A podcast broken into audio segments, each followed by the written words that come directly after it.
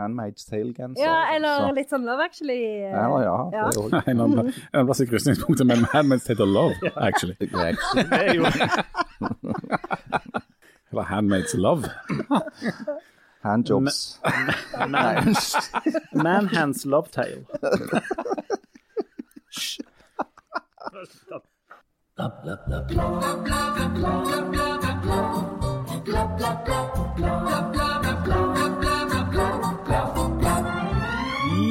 Hjertelig velkommen til 2021, som foreløpig ser ut til å bli den mest ræva oppfølgeren på en drittfilm noensinne. Men vi skal prøve å spå og finne noen lyspunkt.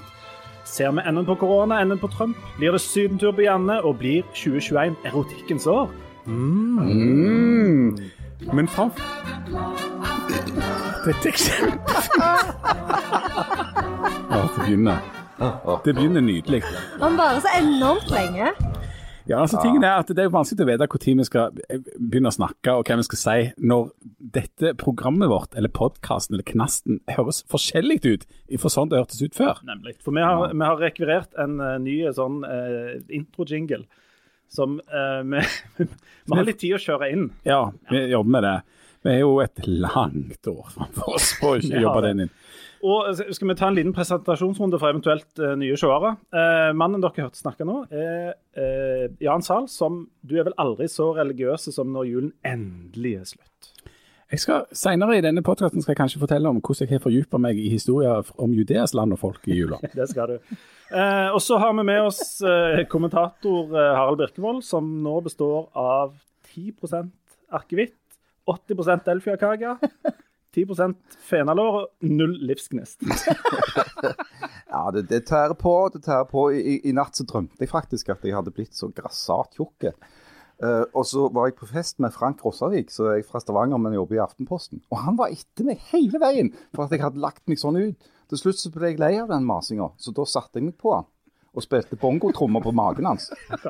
Det med vekt skal vi også komme Ja, tilbake det til. skal vi komme tilbake til. Uh, og sist og minst På- Hun består nå av 50% rødvin, og de siste 50% er nok rødvin, det òg. Eh, professor Nei, det er i- champagne.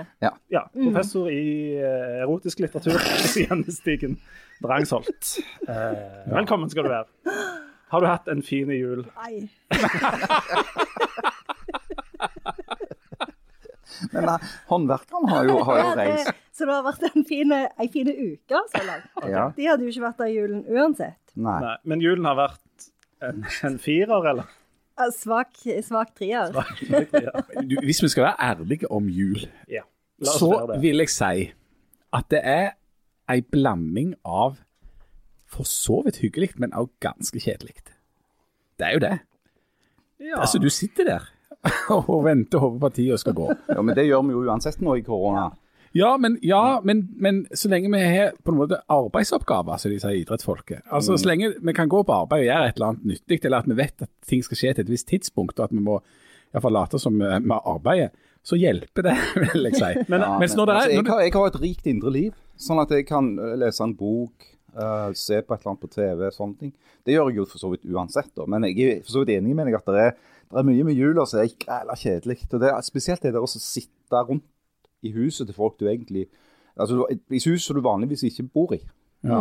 Uh, og, og vente på at det er, er greit dere går hjem igjen. Men jeg, altså, Ja. jeg, jeg har jo ikke noe indre liv i det hele tatt. Nei, så du hvis jeg hadde kjempekjekt, liksom en sånn logrende hund. Ja, men jeg, I motsetning til deg så føler ikke jeg at det er manko på arbeidsoppgaver. Å ja, for du blir sett kraftig i arbeid, du. Ja, litt pga. korona og sånne ting, så endte vi opp med å ha rubbel og bit av juleselskap hjemme. Altså stort sett. Eh, Ikke julaften, men alt annet. Inkludert nyttårsaften. Så for de som er skoet til på nyttårsaften, de avlyste nyttårsaften Uh, Vet dere når butikkene på nyttårsaften stenger? Klokka Klokka fire, ja. fire, ja. OK. Og de avlyste nyttårsaften fem minutter over. Fire. Fire, ja. Riktig. Å ja, hadde dere speilegg på nyttårsaften, da? Vi improviserte fram en femretters meny. Hæ? Oi! Med det du har vist meg i kjøleskap, liksom? Linde? Litt, litt sånn aktig. Og så fikk vi litt hjelp ifra, ifra For det kom faktisk noen på besøk, da. De Men, men Leif Tore, bare, bare for de eventuelt nye lyttere som ikke vet hva slags familiære omstendigheter du finner deg i. Eh, når du sier at dere var ikke hjemme hos dere selv på julaften, hvis vi sier da at julaften det var selskap nummer én, Ja. hvor mange selskaper hadde du mellom da første juledag Ja. og nyttår? Fire eller fem. Fire eller fem? Fire, tror jeg. Fire. Men, men i hvor stor kohort er Det var bare lov å ha to? Det er nøyaktig de samme folka. Absolutt hele tiden. Så de kommer og setter Ja. seg til, og så skal de ha mat. Og dere er masse å snakke om hele tida. Ingenting. Nei. Men det har jo aldri hindra Så de samme folka kommer til deg og spiser deg ut av huset første, andre, tredje juledag pluss nyttårsaften? Mer eller mindre, ja. Men og, og, det er jo ikke altså, i, i de som jeg har, Særlig de jeg har gifta meg til, når jeg Mm. er inne på farlig farvann her, men de har jo aldri latt mangelen på ting å snakke om hindre dem i å faktisk snakke. Nei. Det handler jo bare om, å holde samtalen i gang. Men, men eh, du Janne, du klagde òg på, på, på jul. Ja, men når jeg hører på deg, så gir jeg sterk femmer. Såpass. Men du, Janne, jeg, for jeg, jeg vil bare snakke litt om meg sjøl, Ja, sånn, ja, og så skal det bli en slags overgang til henne. For jeg har en mistanke om at vi er muligens bitte litt i slekt. For det at jul har en tendens til å få fram det verste i meg. Og det, det Um, sier og det sier ikke så rett lite. Um, altså Vanligvis er jeg bare sånn på jabbene og nihilist. Uh, kjip fyr. Ja. en femmer, en på den. en femmer. der. Og så- Men så, så, får jeg til det der julegreiene med Jeg setter pris på Jeg er jo i overkant glad i mat. Sant? Sånn at det der å sitte rundt et sånn eh, bord og, og ete noe god mat og, og, og, drikke noe, og, og det der den første rundene med sånn samtale med folk som du ikke har sett på en stund, det syns jeg er, er flott. Og, men, og egentlig er det de der måltid, og det er jo et slags sånn anker av, av et eller annet som skjer da.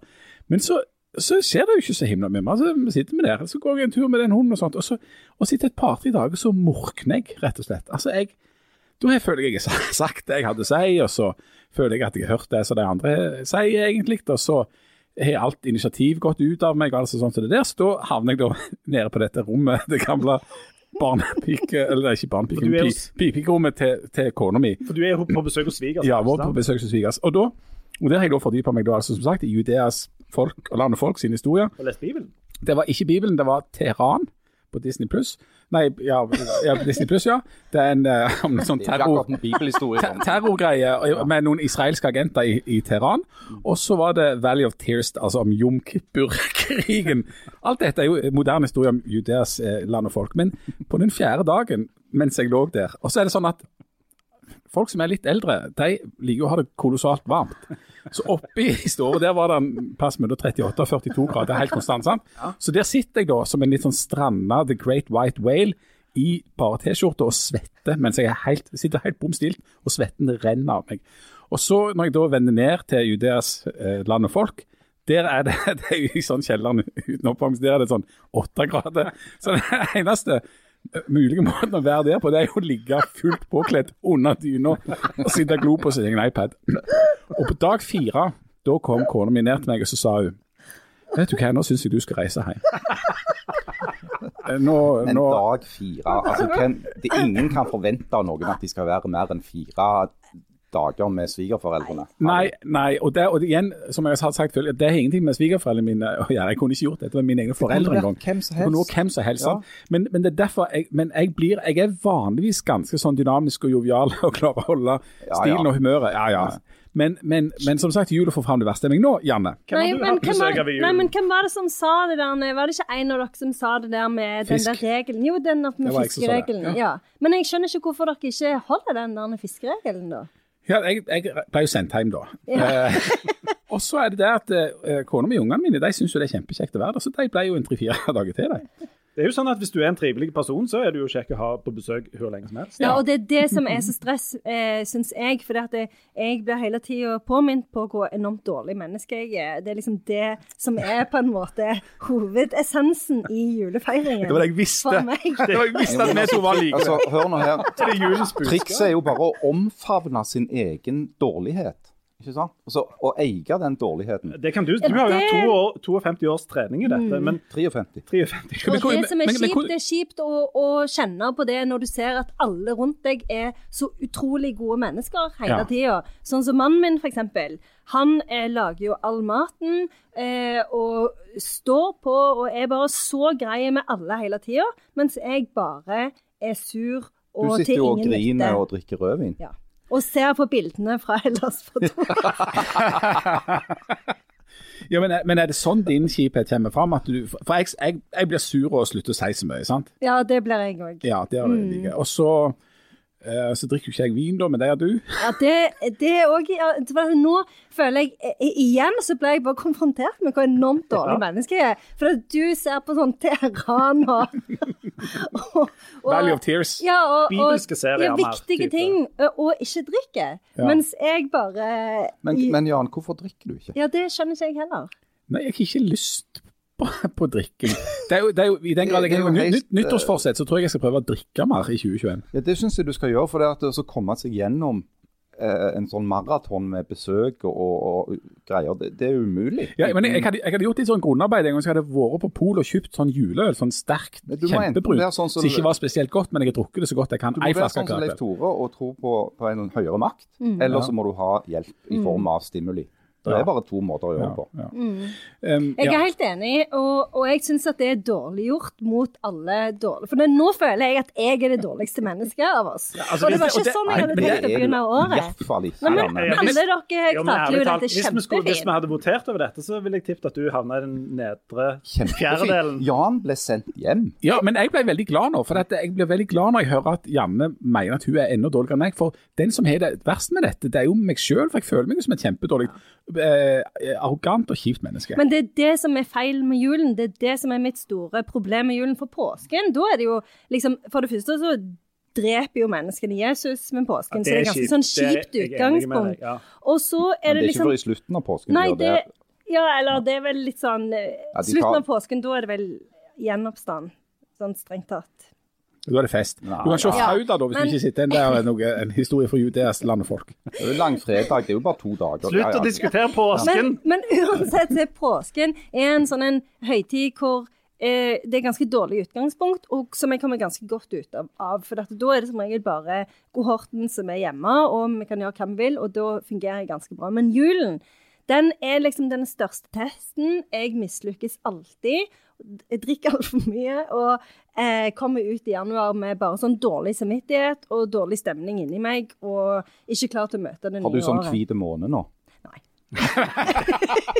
Det får være grenser for dårlig samvittighet. jeg har lurt på om jeg skulle ha det. Ja, jeg, har hvit, jeg hadde hvit dag i går.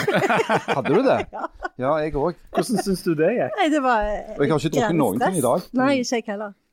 Men du, det, det som er når, når julen da, og, og de dårlige menneskene du, du har vært et dårlig menneske hele julen, og så på en måte drukket deg til tårer tidlig på nyttårsaften, så er det jo i hvert fall greit å tenke på at nå skal vi inn i et nytt år der ting skal bli bedre, lysere og sånt. Bortsett fra at ting rundt oss ser jo strengt tatt ut som om de er verre enn Jeg vet ikke, jeg syns det er så dårlig gjort. Og det Takk. føler jeg litt at staten har vært litt sånn som de der vennene deres som ringte fem over fire og sa at det ikke blir nyttår.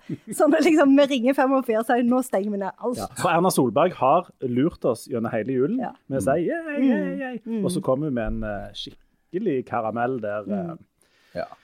For det at nå er det jo på'n igjen med eh, restriksjoner pga. koronasmitte. Og vi satt jo her for noen episoder siden og skrøt oss opp med at Stavanger var en slags grønn oase. Ja, det var jo ikke bare en grønn oase, vi var jo grønne på det der kartet. Det var jo mest ingen smitte. Ja, vi skrøt oss opp på det. Best i Altså, landet. Best i landet, alt det der. Og vi er fremdeles best i landet. ja, nå er det best i landet, men det er akkurat å være best i obs-klassen. Jo, men dette er veldig rogalandsk. Det viktigste er at vi er best i landet, og så på en måte justerer vi etter det. For nå er det såpass bra tall her at vi er Ja, for jeg, jeg er inne på VG da, hver dag, eller si, hver natt. For det, den, den oppdateringen for hvor mange smitta det var fra i går, den kommer 0, 0016 ca. Den får jeg med meg hver eneste dag. Og så går jeg inn på Stavanger kommune, og det er interessant fordi de har sånn speedometergreier som viser om, om trenden er stigende eller synkende, eller hva det er for noe.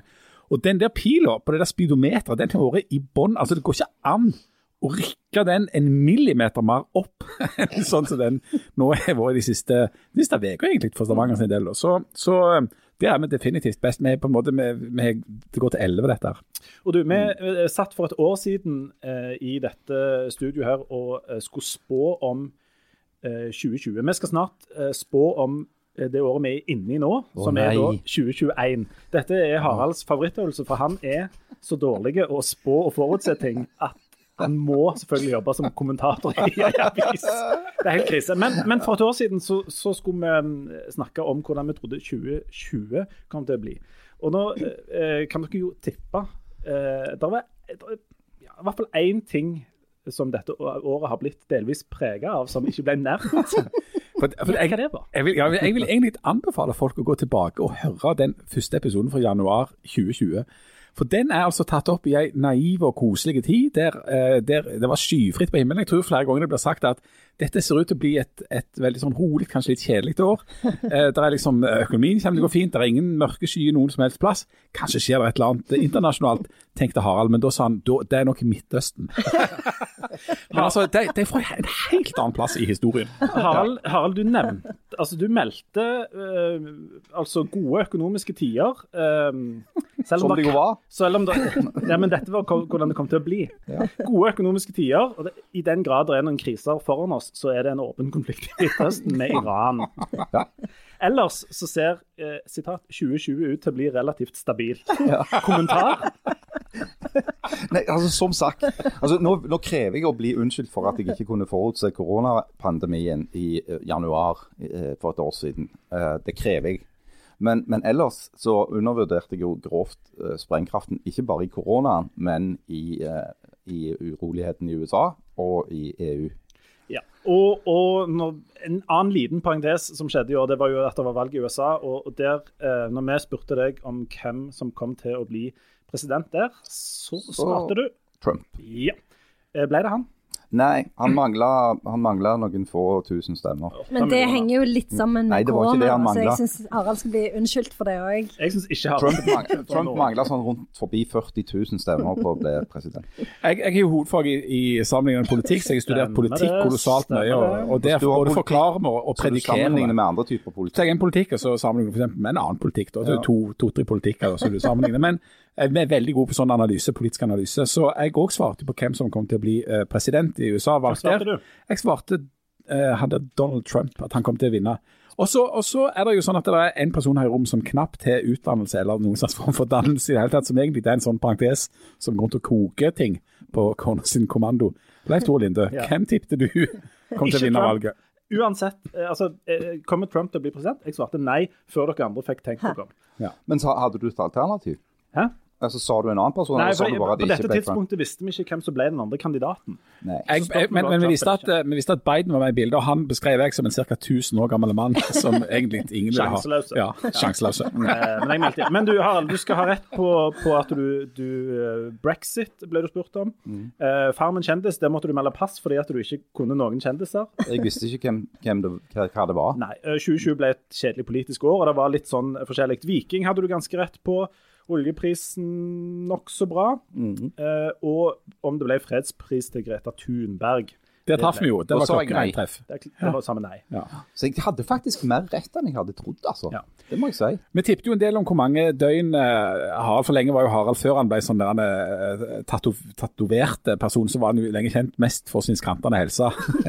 Eh, så vi tippet jo på hvor mange døgn han kom til å tilbringe på sykehus. Men på tross av at det altså herja en global pandemi, så har du vel faktisk ikke tilbrakt ett eneste døgn. Nei, jeg har vært innom sykehuset, men jeg ble skrevet ut samme dag. Ja, det er Og der, der må jeg ta selvkritikk, fordi at jeg, der meldte jeg nokså offensivt mellom 80 og 90 dager innlagt på sykehus. Eh, Du tippte selv null, så den skal du få. Jan tippte ni. Jeg tippte ni som svar på de aller fleste spørsmål. Og så hadde vi en annen ting, og, og der eh, vi tippte, skulle også tippe på om podkastens samla vekt kom til å gå opp eller ned. Ai. Fordi at du eh, tippte at jeg kom til å gå opp ca. fem kilo. Og det må jeg si, det så dårlig ut den 20. desember. Nå er det nokså spot on. Er det det? Ja, ja, Er det det, altså?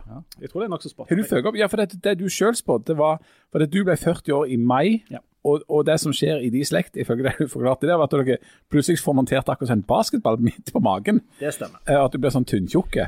helt plutselig. Men, men du, du har gått opp dine fem eh, kilo. Jeg tror, jeg tror det. Ja. Det er litt sånn øyemål, men jeg tror i, i, fra 20. desember til nå, så vil jeg tro at det er Jeg òg har nok gått opp minst fem kilo. ja, Du ser ikke ut som du har hoppet over noe julemat i Jeg år har ikke heller. det. Jeg har ikke det.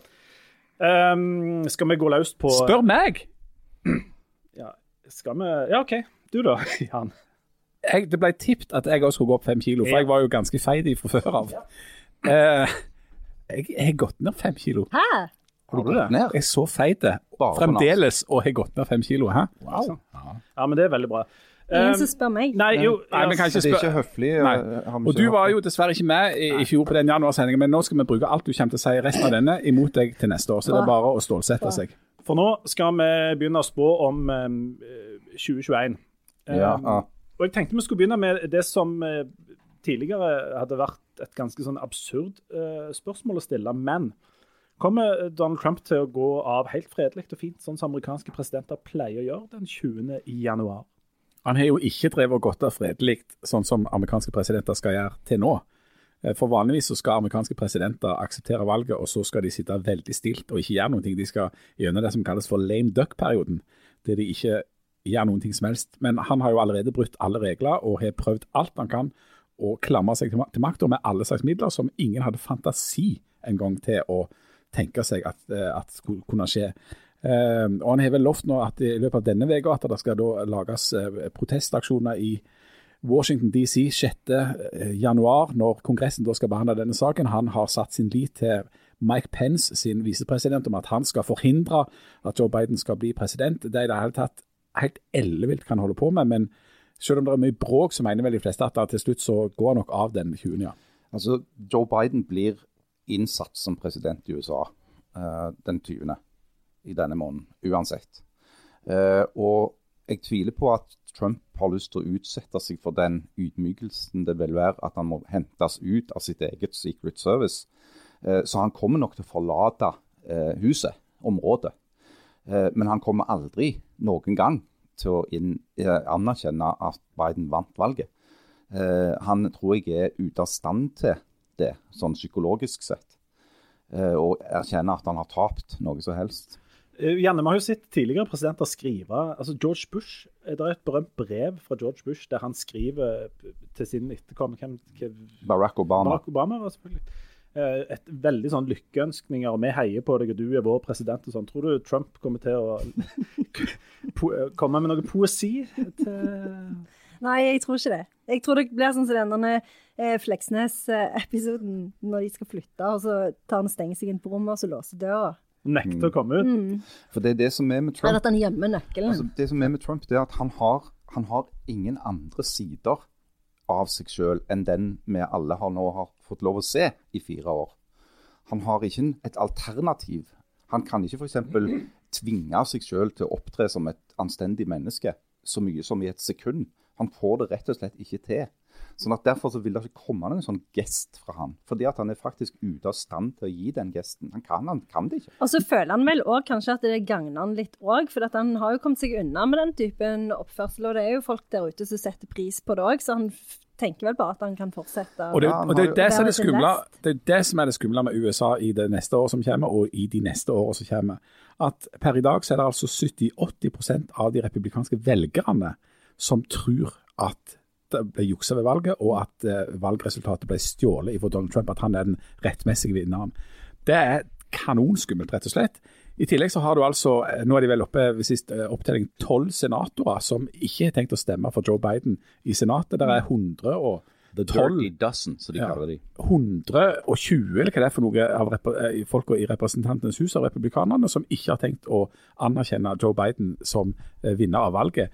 Og dette skjer altså til tross for at 60 rettssaker, eller 60 forsøk retten, i rettssystemet har blitt avvist, inkludert helt opp til Høyesterett. Justisministeren, som var en Trump-lojalist, har sagt at de har undersøkt og ikke funnet noen tegn på, på, på juks. Sånn at all form for rasjonalitet skulle tilsagt at folk aksepterte dette. Men vi lever altså i et samfunn der fantasi og konspirasjonsteorier og demagogi og lyging altså veier like tungt som sannhet. Ja, ja. Og du, du har jo disse folka her til lands òg. Altså, det er en ganske sånn høylytte gruppe av sånne støysendere, både i kommentarfeltet og med egne publikasjoner, som, som driver på med akkurat det samme.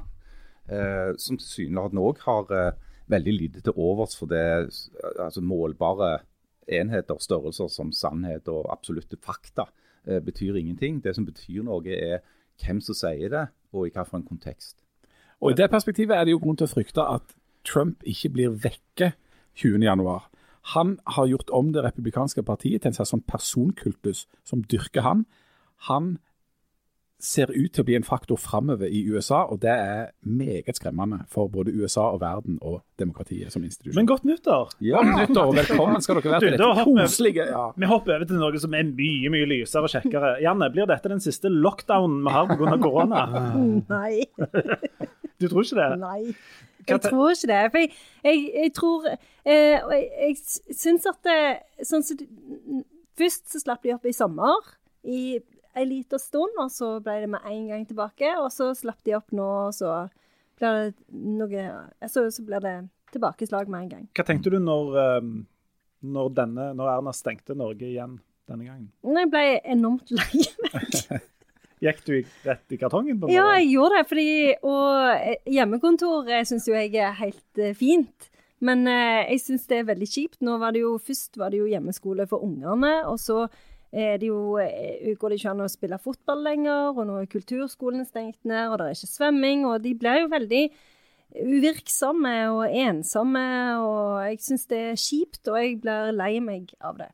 Så har du, du har de fire arbeidstimene du har i uka på universitetet, hva gjør du med de? Nei, det er jo på Zoom. Det er jo på Zoom, da. Det er på Zoom, ja. ja. Ja, Så det er jo eh, Alt skjer på Zoom fram til 18. Eh, januar, og det eneste lyspunktet er breakout rooms, som jeg ikke vet hva er ennå. Greit. Jan, tror du på flere lockdowner? Mm, Nei, jeg får være litt ly lyset til sinns. Ja, en Eh, ja, og, og satse på at eh, vi får knekt det, eller brukket det litt ned eh, nå, da. Men det, altså, jeg får håpe at to uker med, med mest lockdown bidrar til å, å få den der kurven til å peke en annen vei. Jeg syns jo det er paradoksalt at vi har altså fått vaksine, en som er godkjent, en som kommer til å bli godkjent denne uka. Norge har fått eh, 40 000 vaksiner. Eh, det er snakk om altså millioner av eh, vaksiner vi skal få. Også, og I Israel der har de vaksinert én million nå. I England har de vaksinert én million folk. Og vi, vi er vaksinert nå 2224, eller et eller annet sånt. Altså, Jeg trodde skulle, at det skulle være sånn tempo og fart i dette. Visstnok, eh, Beregningene nå går jo ut på at, eh, at flokkimmuniteten i Norge er på plass en gang i oktober. Mens det en del av disse andre landene er i mai eller i juni. Så, jeg, så jeg forstår ikke det. Um, hvordan, Norge kan, altså, hvordan dette kan gå så treigt i Norge når, når første vaksinen er der? Jeg blir veldig motløs. Veldig, veldig motløs. Jeg får lyst til å drine, grine og drikke. Når jeg sa drine, fordi Drine og drikke. Du har ikke hvit dag i dag. Drine og drikke. Og dette kom etter at jeg prøvde å være- være litt lys i det siste. altså, Jeg jeg- så det gikk. jeg, jeg tror for min del at uh, dette ikke blir den siste uh, lockdownen.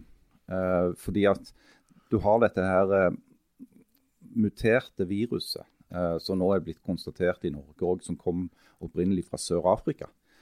Uh, og Det som er problemet med de der muterte virusene, både det der som de har kalt det britiske og den sørafrikanske, er ikke at de er farligere enn det gode, gamle koronaviruset, men at de er mer smittsomme. Uh, og Hvis vi får en situasjon hvor vi får mer sånne vi, muterte typer og det er, jo, det er jo sånn som skjer med alle virus. De muterer eh, konstant. fordi at eh, det er små endringer i arvestoffet i viruset gjør at det Og i og med at virus formerer seg så raskt, så får du nye generasjoner hele veien. Så det er liksom sånn Darwin på speed, dette her greiene. Men det som vanligvis skjer, da, er at de muterer til versjoner av seg sjøl som blir gradvis mindre farlige. Sånn som en vanlig forkjølelse i dag er en, en, et virus har mutert fra en farligere variant. Så jeg tipper at vi nok vil komme i situasjoner hvor vi må være eh, mer forsiktige enn uker før igjen. Eh, Men når vi nå begynner å få større doser av vaksiner, og, og får satt i gang et skikkelig vaksineprogram, så tror jeg at det vil hjelpe noe. For det at de som er aller mest i risikogrupper, vil være beskytta. Tror tallet var sånn at eh, hvis de nå godkjenner denne moderne vaksinen, så har vi i løpet av januar og februar fått 380 000 vaksinedoser. Ja. Men vi er jo fremdeles da altså på under 10% av befolkningen. Så må du dele det tallet 380 000 på to, da, for Det folk skal ha to. Og så må du låne fra tieren. ja. Og så må du Så har du, derivere. er det vel 100 prosent, da er det vel eh, Er det kommer Du må om til brøk først, Ja. tror jeg. Og Nå så bare ødelegger du. Hele poenget er at uh, hver person må ha to doser. Ja, så hvis du du- får ti doser, så kan du vaksinere fem personer. ja. Og dele på Nei. Det, nei, men du, du kan, også kan du ikke dele på fem, nå skal du dele på sju. For det er sju i hver, Nemlig. og så trodde de det var fem. Ja. Men da må de riste litt på det sånn at det skummer godt. og så... Dere driver jo bare med sånn desinformasjon. Sånn, eh, eh, Det er eh, infotainment. Jeg kommer uansett ikke ta, til å ta den vaksinen. Det er informasjon med et smil. Janne ler hele tida. Men hun hun ler sånn oppgitt. Dere tre skal vel ta vaksinen òg, dere? Å, herregud. Det er greit. Det er bare å kjøre 5G-stråling rett i, i Aorta. Ja, den eh, mikrochipen. Eh, eh, en kjapp liten ting. Er det lurt av um, Erna Solberg og disse å gi oss noen sånne pusterom, sånn som julen f.eks.? Det er helt åpenbart at det hadde vært lurere at ingen besøkte noen absolutt hele tida. Men for totalen, er det lurt at vi får noen sånne? At f.eks. påsken igjen kommer sånn Ja, vær med hvor mange dere vil i fire dager, så stenger vi ned i tre uker etterpå. Altså, husk på at før det ble på en måte i gåseøyne åpna opp før jul, så sa jo både Erna Solberg og Bent Høie og alle disse andre representantene for myndighetene at vi må regne med at dette vil føre til et tilbakeslag. Fordi at når færre folk samles, det blir mer reising, så vil smitten gå opp. Dette var på en måte et varsla mord, om du vil. Det var varsla at dette kom til å skje, det som skjer nå. Eh, derfor syns jeg det er litt rart at så mange virker å være veldig sånn forbausa over at å nei, nå kom det enda en, eh, en innskrenking. Det, det var jo nokså påregnelig. Men det ble ganske dyrt. Ja, dyrt og dyrt, fru Blom. Dyre fest, ja, ja, men det, det er de dyre festene. Jeg så to, jeg så, ja, jeg, og jeg så to eh, interessante statistikker i går. Det var europeiske land der de sammenligna hvor mange døde vi har per 100 000, og nedgangen i bruttonasjonalprodukt. Og Norge ligger veldig eh, altså høyt på den ene og lavt på den andre, sånn som altså helt ideelt. Så vi må jo eh, Vi klarer jo fremdeles dette ganske godt, gjør vi ikke det? Jo da, eh, vi gjør det. Men det vi må gjøre nå, det er å sørge for at de som blir aller mest skadelidende, økonomisk snakker nå om, av disse nye restriksjonene, får kompensasjon. For det vil være, etter min mening, fullstendig ja, umoralsk å pålegge f.eks. serveringsbransjen disse eh, skjenkebegrensningene uten at de får en fornuftig kompensasjon for det inntektstapet.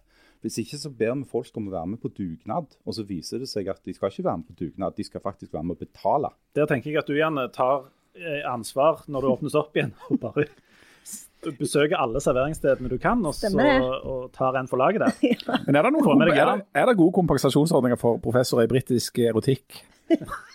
Som når vi sitter på hjemmekontor.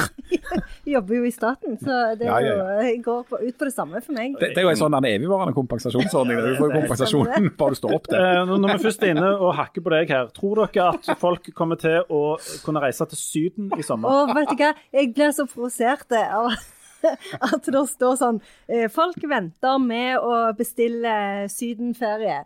Og så eh, i alle Eller jeg har lest to sånne artikler, og i begge to så var det sånn at folk har blitt så mye mer opptatt av bærekraftige verdier, og at det er liksom miljøhensyn som gjør at folk ikke bestiller sydenferie til sommeren.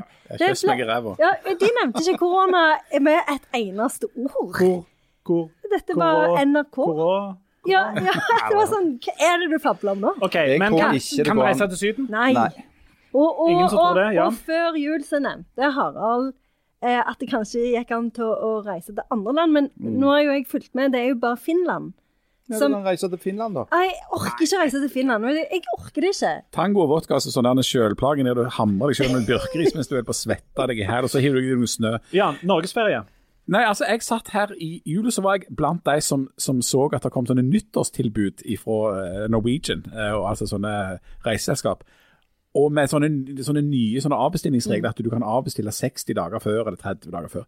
Og jeg var sånn som var sånn litt på nippet, for se oss merker jeg nå i, i vår eh, kohort, som jo for øvrig var et ord som ingen eh, på ni år kunne for akkurat ett år siden, men nå, kan, nå snakker alle om kohort, altså om det var verdens mest naturlige ting. Men, men i vår kohort, der er det nå voldsom interesse for utenlandsreiser er det, ja. eh, til neste år. Så jeg, jeg satt og, og vurderte det og, og tenkte, og, og tydeligvis har veldig mange nordmenn gjort det. Og det er mange som har bestilt, og det er jo nå en diskusjon om det er lurt eller ikke lurt. Men det er jo optimisme på en veldig konkret måte. Hvis du går inn nå og kjøper deg en Ja. ja. sydentur, så vet ikke om du har eh, googla sånn Korfu og Kreta og Naxos eller hvor du eh, Nei, nei, for jeg har ikke noe tro på det. Jeg har ikke noe tro på det i det hele tatt. Jeg har Så- ikke noe behov for å reise til Syden. Nei, for du er Eh, så Men jeg god, har voldsomt har- behov for å reise til Berlin på, Ja, da- Ja. på Det er vel ingen fra Syden som har ringt og bedt deg om innstendig om å komme Nei, ned de vet jo hvordan det har gått før.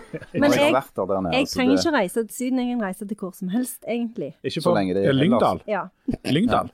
Nei, ingen sånne steder. Det vil jeg ikke. og ikke for å, å bli, være et godt menneske, men jeg unner deg å reise til Syden snart. Ja.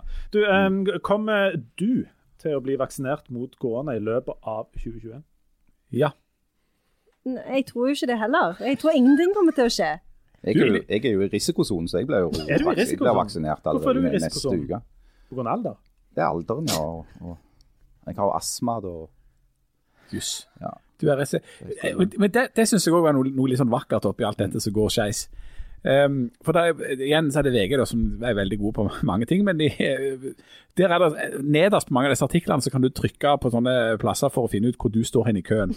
Og jeg står da altså sist, kan jeg opplyse om. Uh, helt nederst på ni, niende prioritet. Det Um, var fordi du tok av de 25. Ja, det var derfor, ja. Um, og, det, og det er jo på en måte drit, og så er det litt fint òg. Men så var det flott da når de første vaksinene ble satt. Da, da var det da altså TV-bilder fra sånn Slovenia og Hellas og sånt. Der var det statsministeren som da fikk den første dosen. Og, og, og borte i USA der var det noen generaler, admiraler, noe Pence og noe Pence. litt forskjellig. De som holdt på med sånt. Og så var det snakk med, da, med, med Erna Solberg ja, om når hun skulle få den eh, vaksinen. Nei, det er når det er min tur. Jeg tror jeg er på åttendeplass. Altså, eh, så hun, hun ble vaksinert en gang sånn ut i juli eller august. Ja, men det er jo så herlig. Det er så veldig flott. Altså, Ja. Det syns jeg var et herlig lite øyeblikk som du skal sitte og tenke over. at Da bor du i rett land. altså. Mm. Da har du og så var jeg intervjuet, ja, ja, men kanskje du sniker deg til? Nei, nei, nei, nei jeg, det er når jeg er på åttende, prioritet. Det kommer jeg. Det er så Ja, det er flott. fint. Da klapte jeg inni meg. Hurra! Nei, men det er, det, det er bra, det. Altså, det- det, Ja, det er det, er ekte bra at du har et sånt land hvor, hvor statsministeren sier at Nei, jeg tar han nå, det er min tur. Ja, ja. Det, er greit. Du, vi, vi hopper over på først inne på Erna. Kommer Erna til å være eh, statsminister eh, når, neste, når vi graver oss ned før neste jul? Nei. Ja. Nei. Jeg òg sier ja, da, bare sånn at det er 2-2. Ja, bra. Hvorfor ikke? Fordi at ehm, Og dette må vi jo komme tilbake til mange ganger. Fordi sentrum bl.a. er i ferd med å ødelegge sentrum. Altså, Hun kommer ikke til å bli statsminister fordi at eh, KrF og Venstre kommer til å gjøre det så himla dårlig eh, i valget. Og det gjør at eh, det kommer ikke til å være et flertall der. Senterpartiet, Arbeiderpartiet, SV og Rødt og MDG er større enn de borgerlige partiene. Det har de vært lenge, og det kommer de til å være i september òg. Derfor så må Erna Solberg finne seg en annen jobb. Janne, hvordan skal vi forsvare Jeg så at, eh, jeg, så at eh, jeg leste en sånn artikkel i dag eh, om hva det viktigste du kunne gjøre for ungene dine. Og der sto det at de, det viktigste du kunne gjøre, var å ta opp dette med miljøsaken rundt middagsbordet. Eh, og da eh, ble jeg litt sånn Å ja, miljøsaken, ja. Jeg hadde jo allerede lest den Du der om artikkelen om ferien.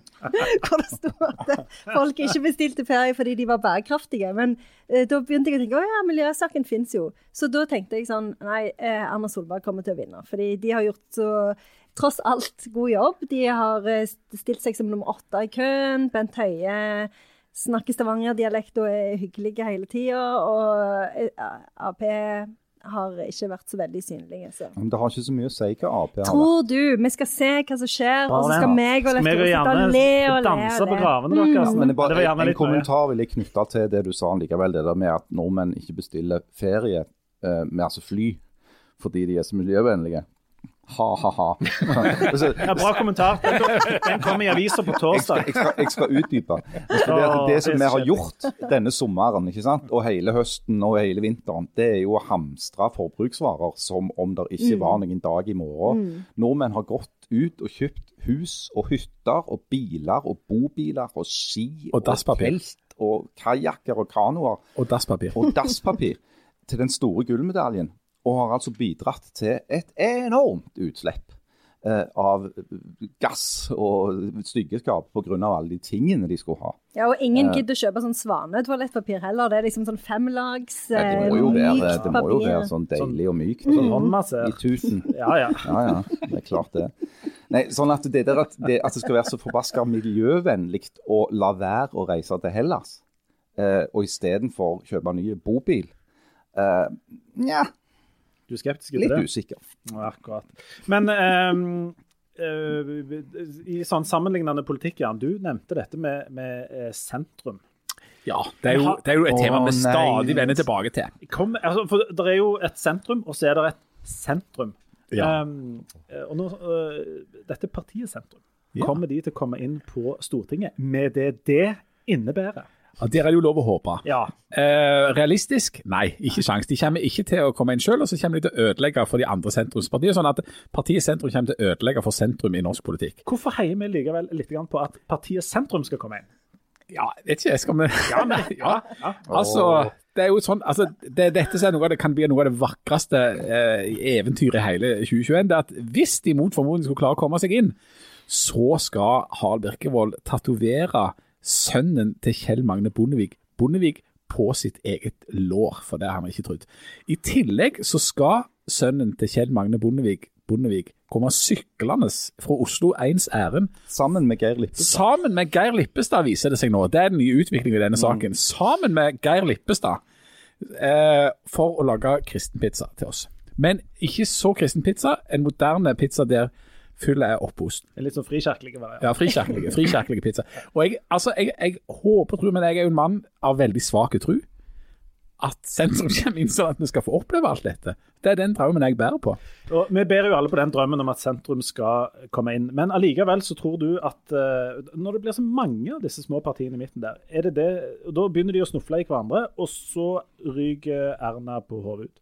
Ja, sånn at Erna ryker ut, ikke fordi at eh, hun nødvendigvis gjør det så mye dårligere enn en Høyre har gjort fra før av, men fordi at de to småpartiene gjør det så dårlig. Eh, Jonas Gahr Støre blir eh, statsminister ikke fordi at Arbeiderpartiet har gjort det bra, men fordi at eh, de i sentrum gjør det dårlig, og fordi Senterpartiet gjør det så godt.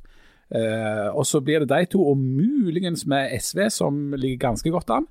Um, tidligere tid så er det sånn at, eh, at de store partiene har jo klart å liksom løfte seg litt opp når det nærmer seg. At det er mange som driver tøffer seg når de svarer på meningsmålinger før det er alvor.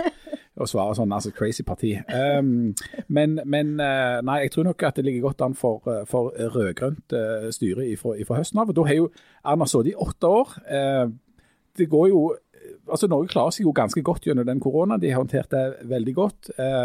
Du kunne kanskje trodd at en ble belønna for det, men det er nok heller litt sånn at etter åtte år så har du nok brukt opp mange av ideene dine og prosjektene dine. Og noe av det flotte er egentlig at det skifter makt. Uansett om du sympatiserer med høyresida eller venstresida eller det ene partiet eller det andre, så er det noe av det flotte med demokrati, noe som Donald Trump burde hørt, hørt om. At det er litt sånn utlufting i gangene, at det er et skifte, og at det forskjellige får prøve seg på sine prosjekt. Ja, uten, eh, uten sammenligning for øvrig, så var jo det samme som skjedde med Jens Stoltenberg i 2013. Mange trodde jo at hans landsfaderrolle etter 22.07-tragedien ville på en måte sørge for at han òg fikk fornya tillit eh, i valget, men det, det skjedde ikke. Og Det tror jeg det samme vil gjelde Solberg med denne korsveien. Eh, dessuten så er det en del som har, jeg har sett som har sammenligna med det som skjedde i 2017, hvor eh, Senterpartiet lå veldig godt an på meningsmålingene på våren det året. Eh, men som på en måte kollapsa de eh, på oppløpssida. Eh, det tror jeg mye skyldtes at den oppgangen de hadde da, det, det var mye på bakgrunn av denne her veldig sære ulvedebatten. Eh, og da tror jeg du har rett, Jan, at når folk kommer til urna, så tenker de at ja, ja, livet består av noe av, tross alt av mer enn ulv. da. Ikke?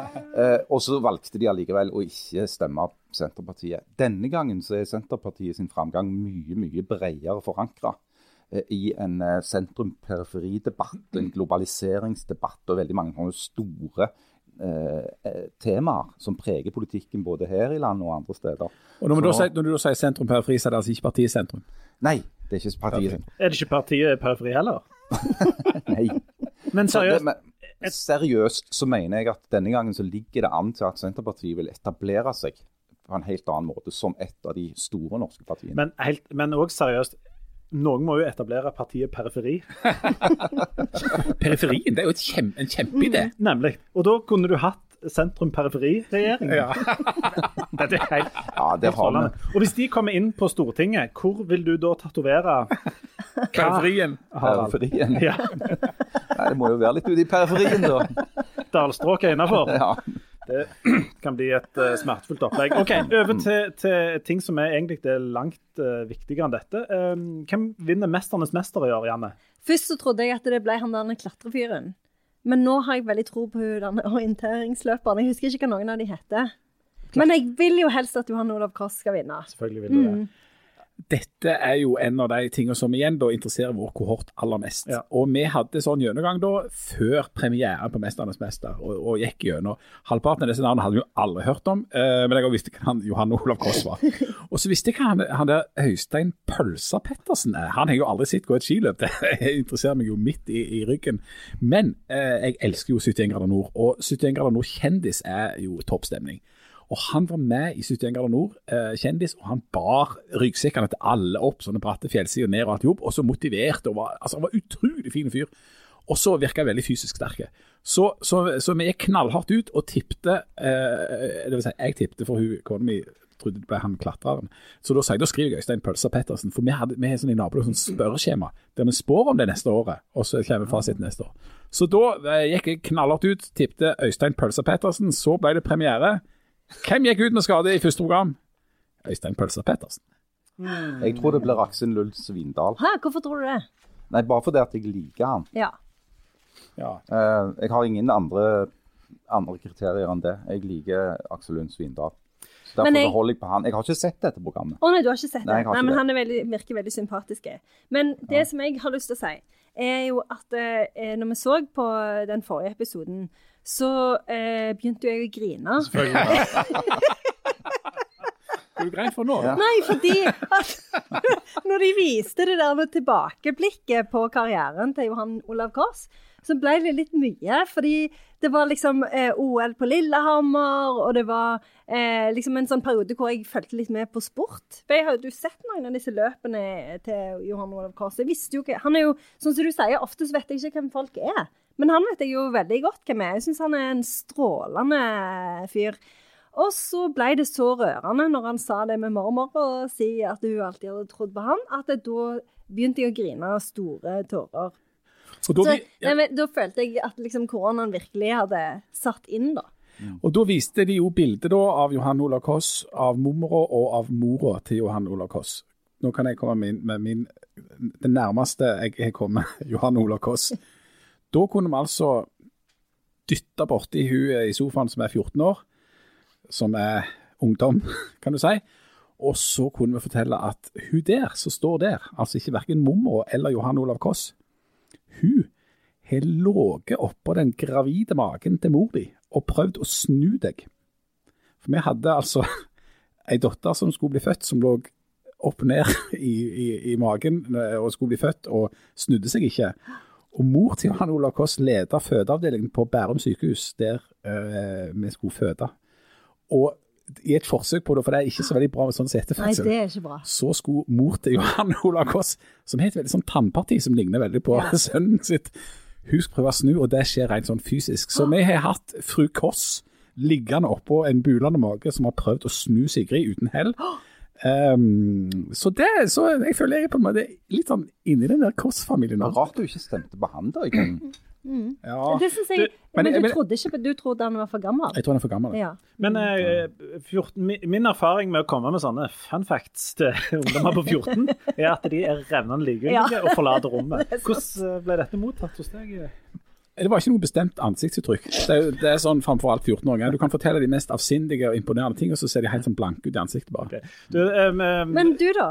eh, ja, jeg, jeg venter som regel til det er tre igjen. før Nei, men jeg- du må si det nå. Hvis, nå har jo vi gjort det. Jeg, jeg tror jo uh, at han uh, Aksel Lund uh, Har du ikke sett det? Jo, jeg har sett det. Ja. Kommer til Kan gjøre det skarpt. Men jeg har òg tro på han klatreren. For det kommer alltid noen for noen sånne litt sånn underlige sporter. Men hvorfor tror dere ikke på hun orienteringsløperen? For hun virker jo veldig Ja, men vass. der er til, til slutt det, Statistikken viser at det er en mann som, som regel vinner. Det er ei fra Stavanger som er med i år. Ja.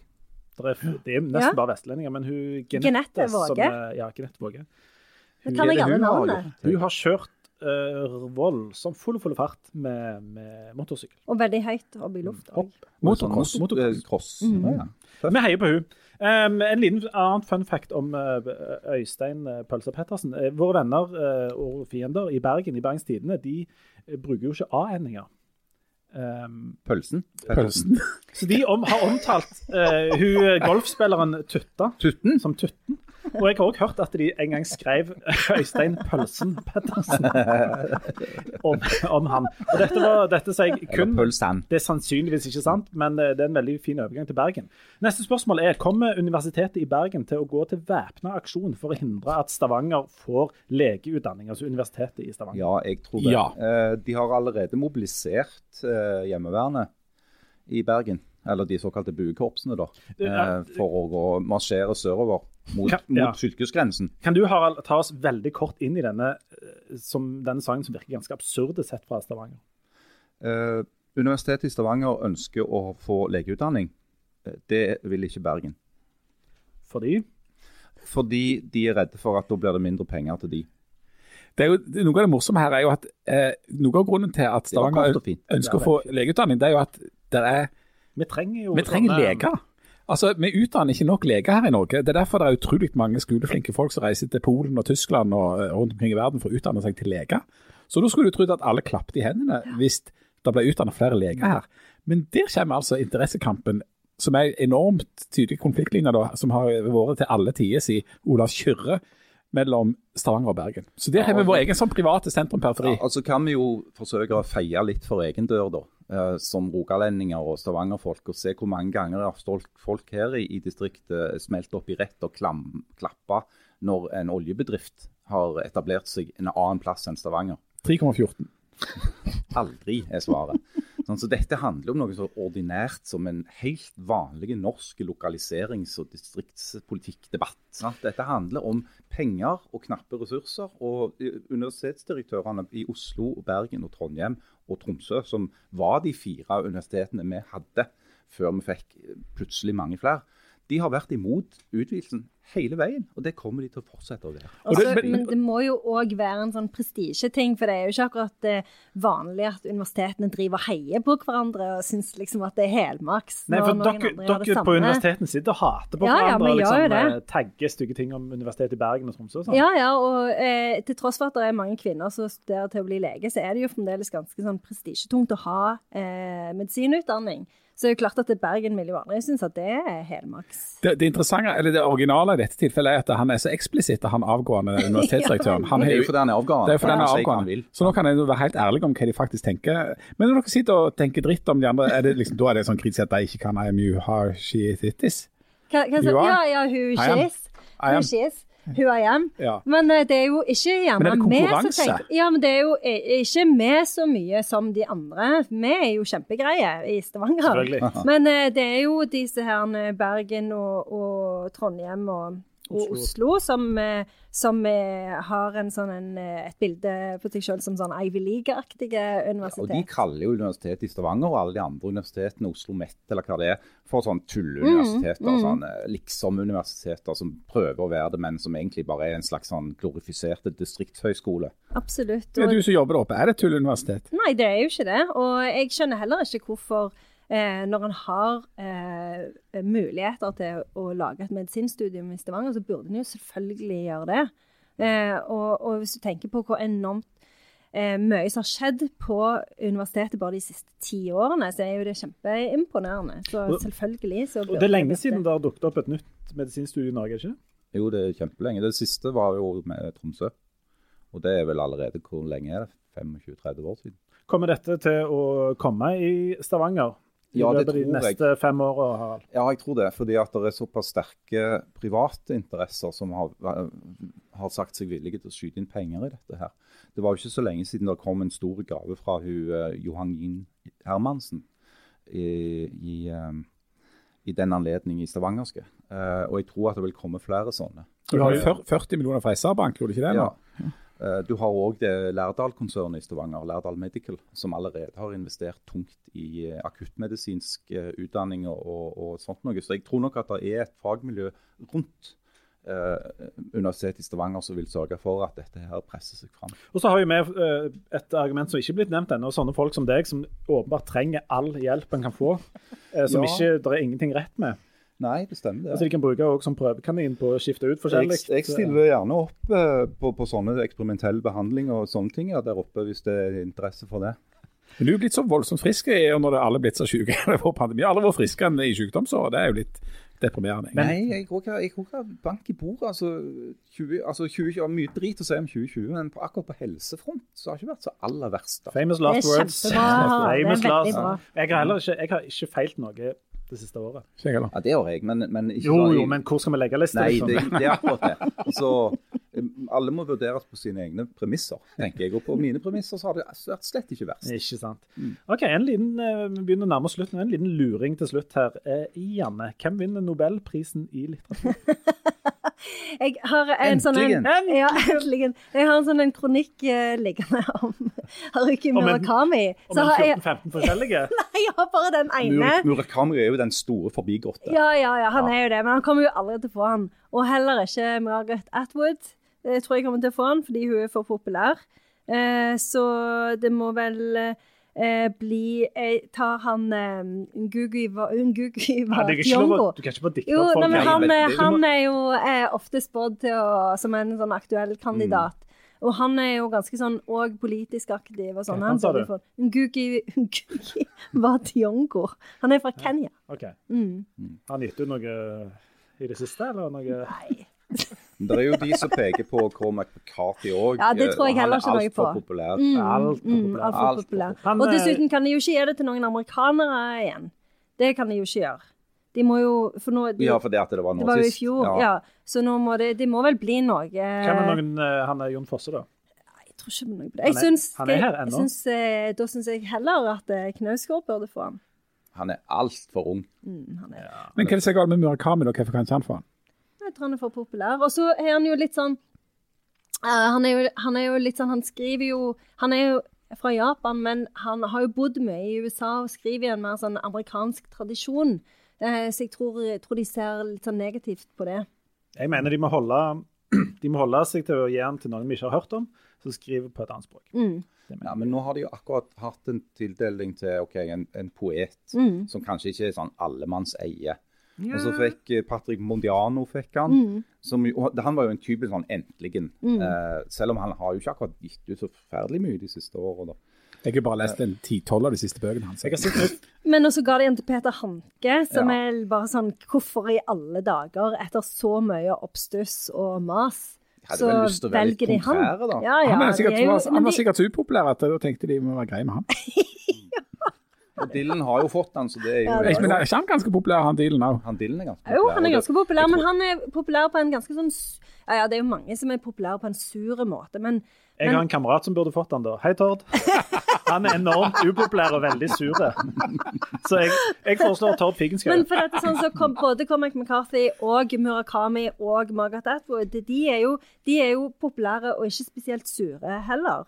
Virker jo som- er ganske han er, ikke, han, ser du, han er litt sånn som deg. Sånn, han later som han er sur, men egentlig veldig trivelig. Å, herlighet.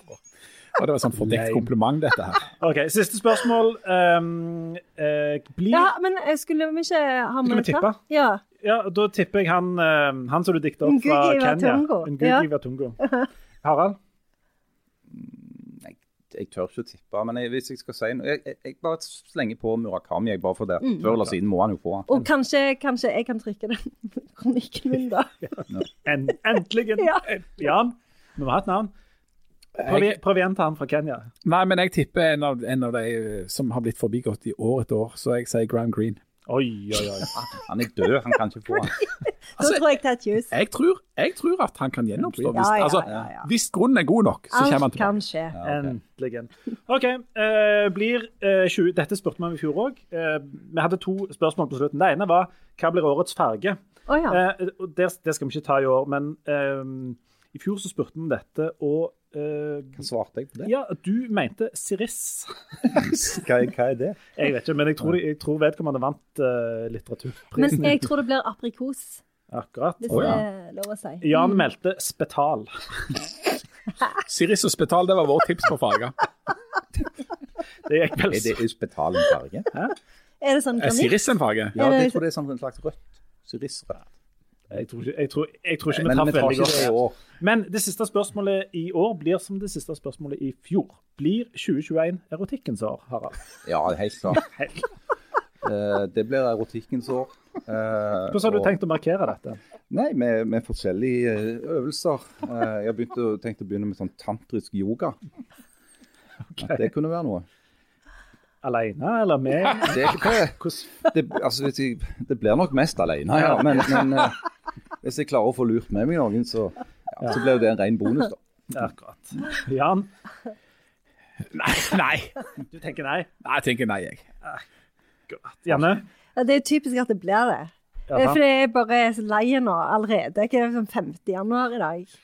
Du er lei av erotikk allerede? Jeg er lei av Fem dette dager året. Jeg er lei av dette året. Oh, ja, så det er liksom at det bo... Nei, Jo, men da kan du jo miste deg sjøl i erotikken. nei altså jeg kan jo ikke det. til- Nei, det Jeg bare Jeg orker ikke tenke på det engang. Hjemme hos oss har vi blitt enige om at uh, vi prøver å ta det ned litt. Så i, i 2021 maks én gang til dagen. Wow. Ja ja, det er maks. Men hva skal du Ja, ja. Hva skal du da fylle tida di med? Hæ? Hva skal du da fylle tida Jeg har fått eh, Til jul fikk jeg eh, først et par sko. Ja. Um, sånne sko som jeg kan gå i. Ja. Og så gikk det eh, en times tid, så dukket det piker opp et par sko til. Et par tursko. Jeg, Ja. jeg kan ikke fatte begrepet. Jeg Skal skal du begynne, to par sko. skal du begynne å gå tur nå? Nei, jeg, jeg, jeg ser på det som et reelt alternativ. ja. Til erotikk? Ja, nei, ja. Sko. Altså, et alternativt sko er et alternativ til erotikk. Ikke det er en slags Det- setning? Det er et par, det er et par sånne ekkosko med sånn fotform og Det er det motsatte av erotikk. Men er det sånn høye? Er det, eller, Nei, de er sånn mellomhøye. Men jeg, jeg ser òg på det som erotikkens motstykke. Sånne veldig komfortable ekkosko i, i Gore-Tex. Ja. Så jeg tenker at jeg skal, skal bruke de. Um, Nei, jeg, jeg satser iallfall hardt på at eh, 2021 blir uh, veldig erotisk. Men var det på et personlig plan, eller var det mer som en sånn slags sånn landsomdekkende fest, eller jeg, jeg kommer ikke til å delta på noen sånne fester som du snakker om. Der kan du gjøre som du vil, men jeg kommer ikke til å være med på det. Men det er blitt snakk om det, om at muligens en ettervirkning av dette her koronamirakelset er at vi går inn i sånn hedonistisk 30-tall, der folk går ut og drikker og har seg og koser seg. Jeg satser på at høsten 2021 det blir et eneste lang, en, en lang orgie. Ja, men da kan jeg være med. Ja. Det, er, det er fint. Ja, Det orker ikke jeg. Da er jeg ute og går tur. ja. Um, Og, og pluss, jeg har ikke noe tro på det heller. Er det ikke det? Nei. Vi har mista troa helt. Ja. Du, Det er noen som har eh, tro på oss. Vi, vi eh, søyt jo og klaga over at vi ikke hadde fått uh, nok postkort. Vi fikk jo noen fine postkort før jul. Og vi har fått noen til. Og, Ja, blant annet dette her flotte her. Her er det altså et bilde fra, Det er fra Forsand. fra Forsand. Et bilde Det var fra Forsand. Og det at det finnes postkort fra Forsand, det gjør meg nokså De er jo glad. samleobjekter nå, for det Forsand finnes jo ikke lenger. Det er det de ikke gjør. Dette er altså fra Evi. Eh, Hun sendte det før jul, det er bare vi som ikke har fått det ennå. Vi har jo fått det nå, da. Vi har fått fått det nå, da. ja, vi hadde ikke fått det da. I og med at du sitter og holder det i hånda, så må vi jo ha fått det. Altså, et logisk. Dette er elementærlogisk. Hun kjører fra uh, Hummersåk, uh, som er en flott plass. Det anbefaler jeg til alle eh, som uh, vil bo en plass. Eh, hun kjører til Forsand og sitter og hører på oss, uh, og har sendt oss altså eh, en, en, en hånd... Ikke, ikke håndskrevet, maskinskreven, men veldig personlig eh, hilsen. Eh, så vi takker hjertelig for det, Evy. Og hvis det er noen av dere som eh, har lyst til å sende oss noe, eh, selv om det ikke er jul, så gjør gjerne det. Men eh, tusen takk til Evy og til alle dere andre Ja, som har sendt oss takk. kort. Og mange Det er stas å få Det er veldig Det er veldig kjekt å få kort. Mm. Ja. Jeg kunne- ikke vi skulle gjenta adressen. Ja, gjør det. Det er Stavanger Aftenblad. Nykirkebakken 2. 4000 og De, eh, 4013 Stavanger. Jeg kunne ha kommet med en oppdatering om Amish-bordet, men det tror jeg jeg skal spare til neste gang. Neste Ja. gang kommer det en oppdatering om Amish-bordet. Eh, og så har, eh, har det vært mye stridigheter i eh, jul og nyttår om vi skal fortsette å lese dikt på slutten. Eh, jeg traff noen der eh, et par som begge hørte på, og det første han sa, det var nå må dere slutte med det der diktet. Og der han med en gang fikk kjeft av hun, som gjerne ville vi skulle fortsette med disse diktene. Um, jeg vet ikke hva dere Jeg aner et slags kjønnsskille her blant en del eh, lyttere. For jeg blir eh, så sent som, som nå i, i romjulen, så ble jeg stoppa på, på åpen gate i Østervåg her i Stavanger av et vilt fremmed menneske av det motsatte kjønn, som, eh, som ville at jeg skulle fortsette å lese dikt på så, Eller understreket et dikt som Janne har valgt. Jeg skal ikke engang begynne å snakke om hva som skjedde etter at jeg leste erotisk dikt her. Altså, Livet mitt blir ikke det samme. Nei, det vil jeg tro. I positiv forstand. Men vi kan jo kanskje be om litt innspill. da. Ja, det var, akkurat, det var akkurat det jeg tenkte. Hvis det er noen som har veldig sterke synspunkt på dette, og, uh, mener, eller har Jeg tenkte òg hvis det er folk som har gode forslag til noe vi kan erstatte dikter med, som kan være like bra, så vil vi gjerne ha det. Eh, Hva skulle det være? Jeg bare spør. Men greit, hvis det er noen har noen forslag, Nei, så er det jeg, greit. for eksempel tre minutter stillhet. Eller historie om Judeas land og folk. Ja. Men kan jeg få anbefale noe ja, du skal få lov å anbefale noe før vi gir oss. Ja. uh, Janne, vær så god. Jeg har hørt på en sånn eh, veldig gøy podkast, som ikke er vår podkast i julen, som heter Off Menu.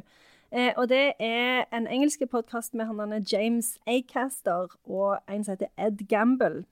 Aldri hørt om det. James Acaster han er veldig løyen. Han er en sånn en, eh, standup-komiker som har noen sånn show på Netflix. Uh, og de har en sånn podkast hvor de inviterer inn et menneske, og så uh, får de, den gjesten lov å si hva som er deres drømmemeny. Så begynner de liksom med hva de skal ha å drikke, bla, bla. Veldig gøy. Uh, veldig sånn gode vibes. veldig underholdende. og ganske sånn gjenkjennelig. Så da, også vil jeg anbefale eh, alle å begynne med den episoden hvor Joe Brand er gjest. Hun er den, løyen. Hun er Hun er kjempeløyen. Og hun vil annet ta fem ulike typer med coleslaw. Det er veldig gøy. Den anbefaler jeg alle å høre på. Jeg har også faktisk en anbefaling, som faktisk òg er en podkast. Wow. og jeg er ikke, selv om jeg er med å lage en podkast, så er ikke jeg blant de som hører voldsomt mye på podkast. Bare sånn litt av og til. Men her en dag så var det en kompis av meg som anbefalte meg å høre på en svensk podkast som heter When We Were Kings. Den er lagd av to svenske journalister som har utrolig god peiling på fotball. Men ikke på en sånn eh, teit, nerdeste måte at de er ekstremt opptatt av, av liksom selve kampen. Men de er opptatt av det rundt. Eh, Og de har lagd en haug med episoder. Eh, Alle sammen er fantastiske. Hvis jeg skal anbefale et sted å begynne, så begynn f.eks. med den trilogien de lagde i forbindelse med at Diego Maradona døde. Og hør på de. Eh, For det er en fantastisk blanding av nesten skremmende kunnskap om fotball, men òg generelt om samfunn og politikk og kultur og alt mulig. Det er en fest å høre på. Og mens vi er i gang med å anbefale ting som dere heller bør gjøre enn å høre på oss, så eh, i tillegg til å fordype meg i Judeas land og folk, i, i jula så hadde jeg jo så mye tid. På det kalde rommet. Ja, og si ingen andre publiserte podkaster utenom oss, så fikk jeg hørt noe av det som lå. Og altså, Jeg eh, kom da på hvor utrolig klar jeg er i Malcolm Gladwell sin Revisionist History. Han er så god å fortelle historier, og han finner de underligste ting. Det er bl.a. i den siste sesongen jeg hørte nå, en fire episoders sak på napalm. Nei, Fantastisk. Revision Revisionist History av Malcolm Gladwell, hør på det. Der har du historiefortelling på høyt nivå. Ja, og Og det kan ha en jeg si. anbefaling, Leif Tore. Kom an. Ja, Men jeg skal bare si en ting først. Det var at eh, Jan anbefalte den podkasten til meg for mange år siden når jeg begynte å høre på den, og jeg har alltid vært så glad i Jan pga. at han anbefalte Det er den. derfor. Den er veldig, veldig bra. Ok, Jeg skal komme med en anbefaling jeg også, som jeg har anbefalt til noen før, men ikke her. Um, vi har jo snakket ofte om hvorfor Norge klarer seg så godt i denne koronapandemien. Um, at det er veldig mange sånne måter vi har organisert samfunnet vårt på. Um, og uh, Harald Eie har lagd denne 'Sånn er Norge'-serien som går på NRK. Eller som ligger på NRK. Den ble jo lagd før koronaen. Uh, men den er helt utrolig bra på å forklare en del ting om hvorfor Norge er sånn som Norge er. Um, den, er den er ikke sånn direkte lin- linka opp til den pandemien, men hvis du vil for, prøve å forstå litt sånn lettfattelig om hvorfor ting fungerer godt i Norge, så vil jeg anbefale å gå inn på NRK og se 'Sånn er Norge'. Og ta med ungene dine. La de gjøre det. Det var det. Da eh, takker vi for nå. Nå eh, skal vi ut og feire erotikkens år eh, på hver, hvert vårt vis. Ja, jeg håper, jeg håper inderlig i hvert fall at vi skal det. Ja, det blir separate feiringer, ja. Men også gleder vi oss jo veldig til å lage denne podkasten vi. gjennom hele 2021. Med nye jingle og nye lyd. eh, Ja, og så har vi glemt at på G å si hvem som, hvem som Nei, er men du må ikke- si det. Ikke Nei, si det. nei. Skal ikke det Ja. være en konkurranse? Ja. Hvem er det som sier bla, bla Kan i den nye jinglen vår? Hvis du klarer å gjette hvem det er som sier bla, bla, bla i den nye jinglen, Så skal du få en en kopp med Stavanger Aftenblad på. Ja. og en gjesteopptreden. Ja. Det kan du få. Da takker vi for oss, og så er vi tilbake om ei uke. Eh, vi snakkes. Ha det. Ha det. Yay, hurra! Dette blir et enormt bra år. Og ikke minst det. 2021. Det er nå. 2021. Hvis vi 2021 er snakker om 2020, så må vi omtale det som i fjor. Ja, det må vi. Siden det var i fjor. Siden det var i fjor, Det ja. Men i, men i år er neste år nå? Ja. I fjor er jo i år neste år. Mm. Um, Og dette er dine gamle dager. Ja, det er det. Velkommen til de.